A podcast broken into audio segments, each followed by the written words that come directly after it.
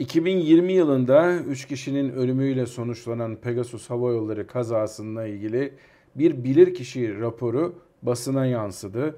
Dün açıklanan bu bilirkişi raporunun ayrıntılarını bugün sizlerle konuşacağız ve bu bilirkişi raporunda neler doğru neler yanlış biraz da bunlardan söz edeceğim. Hadi gelin başlayalım. Ladies and gentlemen, welcome aboard. This is your.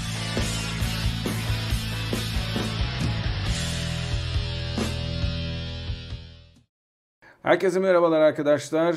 Ben Kaptan Baha, Bahadır Acuner. Yepyeni bir Kaptan Baha yayınında sizlerle birlikteyiz. Şubat 2020'de meydana gelen Pegasus Hava Yolları kazası gerçekten de insanları çok üzen bir kaza oldu. Ülkemizin önder e, düşük maliyetli hava yolu olan Pegasus Hava Yolları'nın İzmir'den İstanbul Sabiha Gökçen'e sefer yapan uçağı pistin sonunda geldiğinde ne yazık ki duramayarak pistten aşağıya düştü. Uçak 3 parçaya ayrıldı ve bunun sonucunda 3 kişi yaşamını yitirirken bir sürü de yaralılar meydana geldi. O gün kaza olduğunda ben evdeydim ve evden takip ediyordum olayı ve aynı akşam CNN Türk'te bir takım açıklamalarda bulundum. Çünkü ortalıkta son derece büyük miktarda bilgi kirliliği vardı Hatta ve hatta havacılık bölümü yöneticisi olan insanlar bile havacılıkla uzaktan yakından alakası olmayan bilgileri, bilgi bile demeye dilim varmıyor bunları, havacılıkla alakası olmayan bir takım verileri ne hikmetse televizyonlara çıkıp söylediler.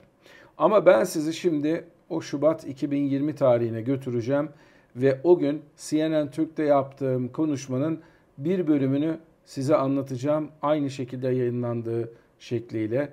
Bu videonun tamamını benim kanalımda bulmanız mümkün. Bakın o gün ne demişim onu bir dinleyelim. Ondan sonra gelin tekrardan bu olayı irdeleyelim beraber. Uçağın biliyorsunuz e, bir takım videoları da ortaya çıktı. E, piste kaydıktan sonra veya piste duramadıktan sonra aşağıya doğru devam etmesi e, videoları. Bunları çeşitli medyalarda izledik. Gerek sosyal medyada gerekse sizler de evet. yayınladınız. Şimdi burada asıl önemli olan şey uçağın aslında bu noktaya gelmeden önce ve geldikten sonra ne, ne tür önlemler alınabileceği tabiriyle, tabiri caizse. Ee, her şeyden önemlisi ne yazık ki gerek Sabiha Gökçen'e baktığınız zaman, gerek örneğin e, İstanbul Atatürk Havalimanı'na baktığınız zaman pistlerin sonunda büyük bir aşağıya doğru kayış görüyorsunuz. Örneğin İstanbul Atatürk Havalimanı'nı ben çok iyi bilirim. Çoban Çeşme'den gelen E5 karayolu havayolunun dibindedir. O karayolundan kat ettiğiniz zaman pisti bayağı yukarıda görürsünüz. Yani o pistten aşağıya doğru inecek olan bir uçak çok da şansı olmayan bir uçak. O yüzden e, benim çok yakından bildiğim e, EMAS denilen Amerika'da kullanılan bir sistem var. Bu başka ülkelerde de kullanılıyor. Bu sistemler özellikle pistin sonunda yaklaşık bir e, 100 metrelik, 150 metrelik e, betondan ama uçak üzerine geleceği zaman çökecek şekilde oluşacak betondan oluşan bir yapıdır. Eğer Sabiha Gökçen de bugün o olsaydı veya e, havayolunun pisti biraz daha uzun olup veya pistin sonunda bir boşluk bir alan olsaydı bugün maalesef talihsiz bu kazayı yaşamayacaktık. Belki de sadece uçağın pistten dışarı çıkmasını konuşuyor olacaktık. Şunu söyleyebilirim. Uçak maalesef pistin e, genellikle biz ilk 1000 fitine yani 300 metresine teker koymayı arzularız. Hem bu e, rüzgar nedeniyle hem de başka nedenlerle e, bu pistin maalesef ortasına doğru teker koymuş durumda. Dolayısıyla sizin inişinizin, frenlemenizin pistin başından değil ortasından başladığını düşündüğünüz zaman aslında bu da çok da böyle e, sürpriz bir olay gibi karşımıza çıkmıyor maalesef. Bakınız burada sadece hava e, unsuru önemli değil. Sadece hava trafiğin e, Sabiha Gökçen'e olan inişleri diğer piste vermemiş olması da var. Aynı zamanda pilotların bunu tartışıp tartışmadığını bilmiyoruz. Tartıştılarsa çok güzel. O zaman niye başka bir yöntem denemediler? E, tartışmadılarsa neden tartışmadılar? Bunu görmemiz lazım. Pilotların e, her şeyden evvel e, ne kadar yo e, yoğun bir çalışma ortamından gelip gelmediklerini de gözden geçirmemiz lazım. Dolayısıyla benim söylemek istediğim şu, her şeye bakılmak zorunda. Tek bir suçlu yok, tek bir suçlu aramayalım. Biz kendimiz bu işi bir daha olmaması için neler yapmalıyız? iş yapış şekillerimizde, uçak uçuruş şekillerimizde, efendim hava trafikte uçakları yönlendirme şekillerimizde ne tür değişiklikler yapalım ki bir daha böyle talihsiz olaylar başımıza gelmesin. Önemli olan bu aslında kaza kırımlardan bizim öğrenmek zorunda kaldığımız şeyler. Evet gördüğünüz üzere bir takım bilgilerin ne kadar doğru olduğunu tartışmaya gerek yok. Gerçekten de hem İstanbul Atatürk Havalimanı'nın şu an artık kapanmış olan 3-6 doğrultusundaki iki pistinin hem de aynı zamanda 06 yönündeki Sabiha Gökçen Havaalanı'ndaki pistinin sonunun ne kadar havacılıkla alakası olmadığını ve ne kadar da tehlikeli olabileceğini anlattığım bir konuşmaydı bu. Bilirkişi raporunda buna değinilmiş. Aslında benim size söylemek istediğim olay REAS değildi. Benim söylemek istediğim olay REAS'ın da ötesinde bir EMAS sistemi denilen e, uçakları aslında bir anlamda kendilerine çeken ve onları yutan bir sistemin hali hazırda dünyada bir sürü havaalanında var. Türkiye'de de özellikle bu iki havaalanında Atatürk Havalimanı'nın kuzeye doğru olan pistlerinde ve Sabiha Gökçen'deki 06 pistinin sonunda olması gerektiğini anlatmaya çalışmıştım. Şimdi dün basına sızan veya basına açıklanan bilirkişi raporuyla ilgili haberler olayı biraz yüzeysel olarak anlatmışlar. Bunun da nedenleri arasında çok da fazla teknik detaylarla sizleri yormamak var. Sonuçta bu bir trafik kazası değil. Hani derler ya 8'de 5 suçlu, 8'de 8 suçlu filan türlerinden. Aslında bu kazada daha önceden de size anlattığım gibi bir sürü etken var kazanın olmasında rol oynayan. Bir kere her şeyden evvel Sabiha Gökçen Havaalanı'ndaki 06 pistinin kalitesizliği her şey herkes tarafından bilinen bir gerçek. Pistin kalitesizliğinden söz ederken söz etmek istediğim şey aslında bu pistin bakımının son derece kısıtlı imkanlarla yapılıyor olması. Çünkü pist sürekli olarak açık ve kullanımda. Sabiha Gökçen Havaalanı'nın ikinci pisti hala bitmiş değil, hala açılmış değil. Geçtiğimiz günlerde bunda bir beklentimiz vardı. Kasım ayında, Ekim ayında açılacak dendi ama ne yazık ki buradaki çevredeki yapılaşmalar nedeniyle bu ikinci pist yine açılamayacak.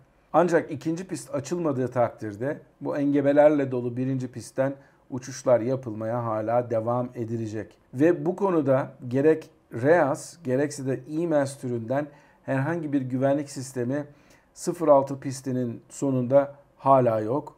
Bundan sonra da benzeri kazaların olmasını engelleyecek herhangi bir yerde bir sistem ne yazık ki şu an için düşünülmüyor bile. Bu konuda Ulaştırma Bakanlığı'na bir çağrı yapalım. Bu pistlerde mutlaka bunların yapılması lazım. Yapılması lazım derken hani yarın öbür gün tabi olacak şeyler değil bunlar. Planlanılması lazım bunların ama bir şekilde bu emniyet açısından da uçuş emniyeti açısından da bunların devreye girmesi gerekiyor. Raporun tamamı 140 sayfa. Ben bu 140 sayfanın yaklaşık bir 20 sayfasını biraz okudum. Bayağı bir okudum. Ardından bir kısmını da göz ucuyla inceledim. Bazı bölümlerde tekrarlanan şeyler var. Bazı bölümlerde de işin ilginç tarafı raporu yazanlar arasındaki fikir ayrılığına değinilmiş. Bu aslında bu tür raporlarda olan olağan bir şeydir. Bu tür raporlarda insanlar ben bu konuda burayı suçlu buluyorum ama benimle beraber raporu yazan başka bir insan çok da fazla suçlu bulmuyor diyebilir. Bu görüş ayrılığı her zaman aslında olması sağlıklı olan şeylerdir. Tabi raporda incelediğiniz zaman bir takım olmaması gereken unsurlara da rastlıyorsunuz. Aslına bakıldığı zaman bu uçak İzmir'den kalktığı zaman dispatcherlar bu uçuşu planladıkları zaman İzmir'den kalktıktan sonra bu uçağın 2-4 pistine yani güneybatı istikametinde ineceğini düşünmüş dispatcherlar, uçuşu planlayan insanlar. Ve pilotlar da uçağın bilgisayarına rotayı girerken de bu rotayı girmişler. Yani İzmir'den kalkacaklar, Marmara'nın güneyinden kat edip ondan sonra Sabiha Gökçen'i sol tarafında gördükten sonra arkasından da güneye doğru, güneybatıya doğru inecekler diye e, uçağı programlamışlar. Ancak İstanbul'a yaklaştıkları sırada 06 pistine inişlerin yapıldığını gördükleri zaman biraz amiyane olacak ama etekleri tutuşmuş. Ee, uçağın bilgisayarını bu şekilde planlamak ve uçuşun ve yaklaşmanın briefingini yapmak için biraz telaş yapmışlar, biraz acele etmişler. Tabii bu onların beklemedikleri bir olaydı ve beklemedikleri bir olayla karşılaşıyorlardı. Bunun üzerine uçağa bir de yıldırım çarpıyor o havanın e, içerisinden geçerken ve yıldırım çarpması da her iki pilotu da birazcık görevlerinin dışına itiyor. Örnek vermek gerekirse 10 bin fitin altında gereksiz konuşmaların yapılmaması gerekilen türünden bir kural vardır. Buna rağmen pilotlar Pegasus tekniği arayıp 10 bin fitin altında uçağa yıldırım çarptığını ve indikleri zaman bir teknisyenin gelip bakması gerektiğini söylüyorlar. Bu aslında iyi bir karar değil çünkü özellikle 10 bin fitin altında bir de beklemediğiniz bir piste zor şartlarda yaklaşma yapacağınız zaman bu sizin iş yükünüzü kokpitte çok daha fazla miktarda da arttırıyor hem de dikkatinizi dağıtıyor. İşte bu nedenle uçak hem 06 pistine gelirken hem de 06 pistini tam teker koyduğu ana kadar ne yazık ki stabil bir şekilde yaklaşma yapamıyor. Bu yaklaşmada iki nokta ILS yaklaşmasında iki nokta üzerine de çıkabiliyor. Çünkü arkasından çok daha kuvvetli bir rüzgar aldığı için uçağı bir anlamda piste doğru ittiği için biraz daha yüksek bir varyoyla alçalması lazım. Ama bunu bir türlü tutturamıyor uçak. Biz inişe geçtiğimiz sırada yaklaşmada bir takım kriterlerimiz vardır. Belli noktalarda belli şeylerin yerinde olmasını, hazır olmasını isteriz ki uçağı indirirken herhangi bir telaş olmasın, yanlış yapmayalım. Çünkü uçakta siz uçururken telaş eşittir yanlış demektir. İşte bu noktada önemli olan bir kriter var. Burada Pegasus'un kurallarına göre eğer bir aletli yaklaşma yapıyorsanız yani ILS o günkü olduğu gibi bir yaklaşma yapıyorsanız 1000 fite geldiğiniz zaman uçağın tamamıyla inişe konfigürasyon açısından hazır olması lazım. Nedir bu? Hızının istendiği hızda olması lazım. Buradaki yaklaşmada bu gerçekleşmemiş. Uçağın hem localizer'a yani uçağın yatay düzeydeki yörüngesinin hem de dikey düzeydeki yörüngesinin glide slope'a bağlanmış ve hiçbir şekilde oradan ayrılmamış olması lazım. Gerek glide slope'da yani dikey olarak uçak yüksek kalmış çünkü çok fazla bir kuyruk rüzgarıyla itiliyor ve aynı zamanda da localizer'da da çok iyi bir şekilde takip edemediğini görüyoruz bu yaklaşmada. İşte Binfit'te bunlar aynı zamanda gerçekleşmediği zaman otomatik olarak pas geçilmesi lazım. Ne yazık ki burada pilotlar pas geçmemiş. Şimdi diyeceksiniz ki burada kaptan mı suçlu, first officer mı suçlu? Biz burada bakarken olaylara suç olarak bakmıyoruz. Ee, nerelerde neleri düzeltselerdi bu doğru bir iniş olurdu diye düşünmemiz lazım. Başka baktığımız noktalardan bir tanesi de stabil kriterlerden flapların iniş pozisyonunda olması lazım. Ancak 1000 fite geldiklerinde yerden 1000 fit yüksekliğe geldiklerinde sadece 5 flap 5 derece flapleri var. Daha ondan sonra 10 20 25 30'ların gitmesi lazım. Onların aynı zamanda çok acele ettiklerinin ve bir anlamda bu yaklaşmaya kendilerinin hiç hazırlıksız yakalandıklarının en büyük kanıtlarından bir tanesi de bu. Bir de size hızdan söz etmiştim. Burada yaklaşma hızı yerine uçak o sırada havada 170-175 knot gibi hızlı bir hızla devam ediyor yaklaşmaya. Bunun ötesinde arkadan gelen rüzgarla beraber yerde hızı 230 knot. Yani rüzgarsız bir ortam oldu, olsaydı bu uçak 230 knot gösterge hızıyla gitseydi eminim pilot burada pas geçerdi. Ama gösterge hızı daha az arkadan gelen kuyruk rüzgarını da dikkate almadığı için uçak sanki durağan bir havada 230 knotla yaklaşıyormuş, iniş yapıyormuş gibi uçuş performansı sergilemiş. Burada görünen olay aslında bunun 140-145 knot civarında olması gerekiyordu sanırım. O civarlarda olması gerekiyor. Düşünün ne kadar büyük bir hızla geliyor. Bu kadar büyük bir hızla gelmesine rağmen uçaklarda otomatik fren sistemi var.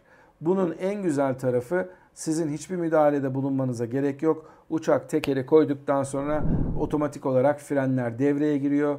Burada hem işte uçaklarda aynı zamanda arabalarda da bunların ABS gibi, anti-skid gibi sistemler var. Bunlar devreye giriyor ve size en optimum frenlemeyi sağlıyor. Ancak burada nedendir bilinmez otomatik e, frenleme devreye girdikten sonra uçan pilot, kaptan pilot burada devreyeden çıkarıyor. Şimdi aslında nedendir bilinmez dedim ama burada bir spekülasyon yapılmış bilirkişi raporunda. Ben de ona inanıyorum. Onu da birazdan açıklayacağım. Onun dışında hava frenlerini sağlayan kanatlarda siz indikten sonra tak diye böyle yukarı kalkan hava frenleri var, spoilerlar var. Kanadın kaldırma kuvvetini ortadan kaldırmak amacıyla yapılmış aletler bunlar ve bunlar da ne yazık ki devreden çıkarılıyor. Çünkü yıllar boyunca Sabiha Gökçen'e indikleri zaman Pegasus Hava Yolları F taksi yolundan pistin sonuna gelmeden doğrudan terminale hızlı bir şekilde yolculuk yapacakları bir şekilde taksi yapmaya alışmışlar. Bu alışkanlıkta orada ha biz durduk yavaşladık diye yanlış bir düşünceye kapılınca pilot aynı zamanda kendisinin bu taksi yolundan çıkmak değil pistin sonuna kadar duramamasına yol açıyor. Burada belli bir süre sonra kaptan indikten sonra her ne kadar a duracağım F taksi yoluna dönebileceğim diye kafasında düşünmüş olsa bile aynı zamanda daha sonradan bütün gücüyle frenlere asılıyor. Bunlar ayaklarında, pedallarındadır ve aynı zamanda da bu yeterli olmuyor ve uçak e, o sözünü ettiğimiz yerden aşağıya doğru ne yazık ki düşüyor. Şimdi burada önemli bir şey var. Bakın pilotlar kaptan ve first officer olsalar bile aynı zamanda ikisi de o uçakta uçmaya yetkili insanlar. Tamam kaptanın deneyimi uçuş saati olarak fazla olabilir ama ne kadar deneyimli kaptanların ne kadar salakça hareketler yapıp ne tür kazalara yol açtığını havacılık tarihinde herhangi bir sayfayı açsanız bulmanız mümkün. İşte bu durumda iyi bir first officer'ın ne yaptığı da çok çok önemli. Burada iki nokta yukarısında olduğu zaman ILS'in glide slope diye uyarması lazım. Veya inişte sırasında kuyruk rüzgarını gördüğü zaman kaptan çok fazla kuyruk rüzgarı var. Bizim sınırımız 15 veya 10 her neyse veya 20 e, herhangi bir uçakta neyse o ama bizde çok daha fazla kuyruk rüzgarı var diye uyarması lazım. First Officer'ın bunu ben hoşuma gitmiyor. Bu manzara gerçekten bize çok büyük sorun çıkaracak. Bu önümdeki gerek hız gerekse flapların olmayışını sevmiyorum. Gel pas geçelim kaptan demesi lazım. Ama ne yazık ki bunlardan hiçbirini First Officer yapmıyor. Bunun değişik nedenleri var. Ben aynı zamanda bu konuda spekülasyon yaparken o zaman yaptığım videolara gidin bakın. Dil sorununun da bir sorun olabileceğini biletmiştim. Tabi cockpit voice recorder'ları, kara kutuları ben dinlemedim ama bu konuda yeterince bilgim var. Hollandalı, yanılmıyorsam Güneydoğu Asya kökenli bir Hollandalı pilot sahada uçan, e, Hollanda pasaportuna sahip ve Türk bir pilotu bir araya koyduğunuz zaman İngilizce seviyeleri ne kadar iyi, ne kadar iyi anlaşabiliyorlar. Aynı zamanda burada bakın dille ilgili başka bir sorun daha var. Hava trafik yaklaşma sırasında Pegasus frekansı girdiği zaman ki Hollandalı pilot önce konuşuyor. Diyor ki hava trafik tabii Pegasus olduğu için Türkçe konuşabilirim diye düşünüyor. Diyor ki aynen şu şekilde söylüyor bakın. Efendim bilginize son gelen trafiğimiz 600 fitin altında 37 knot tailwind rapor etti. Yani 37 knot kuyruk rüzgarı. Sizden iki önceki trafikte pas geçti. Bakın hava trafik bunu uyarıyor. Fakat burada yapılması gereken bir şey var. Bizim havacılıkta İngilizceden çok kötü bir şekilde çevireceğim. Havaalanını döndürmesi lazım. Yani operasyonu 06'ya değil bu insanların pas geçtiğini ve kuyruk rüzgarının çok fazla olduğunu gördüğü zaman bu inişlerin tekrar 2-4 pistine yapılması lazım. Bunun için de tabii ki Yeşilköy'de bulunan İstanbul'un tüm hava sahasını kontrol eden kontrol merkeziyle de irtibata geçmeleri lazım. Ve bunun da aslında efendim biz geçirebilir miyiz acaba değil. Biz kardeşim bu operasyonu 2-4 pistine yapacağız artık. Diğer uçaklara ben pas geçiriyorum. 2-4'e yapacağız inişleri demesi lazım. Neden izin almamak konusunda bir e, şeyde bulundum. Bu konuda yapılan spekülasyonda Sabiha Gökçen'deki hava trafikçilerin aslında Yeşilköy'le bu tür değişik pist uygulamalarından işte İstanbul Havaalanı kuzeye inip Sabiha Gökçen de güneybatıya inmesi türünden trafiği biraz da karman çorman edecek şeyleri istemekten kaçındıkları yolunda da söylenti var. Bilemiyoruz ne kadar doğru. Peki burada ilginç bir noktaya daha dikkatinizi çekmek istiyorum. Şimdi bu konuda yapılan iki tane rapor var. 9-11-2020'de yapılan bir raporda yani 9 Kasım 2020'de yapılan bir raporda HH asli derecede suçlu bulunmuş. Kaptan pilot asli derecede suçlu bulunmuş. İkinci pilot tali derecede suçlu bulunmuş. Kule şefi asli ve yaklaşma şefi de asli olarak suçlu bulunmuş. Ama bu en son açıklanan raporda bu suçluluk seviyeleri değişmiş neye hikmetse. Olayda bir değişiklik yok ama nedendir bilinmez bu suçluluk seviyeleri değişmiş ve denmiş ki HH'da asli derecede %40 dolayı e, oranında bir suçlama var. Kaptan pilot asli derecede suçludan tali derecede suçluya geçmiş. Verdiği kararlar nedeniyle ona da %20 denmiş. İkinci pilota taliyi vermiş suçu %10. O zaten taliydi diğer raporda. Fakat işin ilginci kule şefi ve yaklaşma şefleri de tali derecede suçlu bulunmuşlar bu konuda.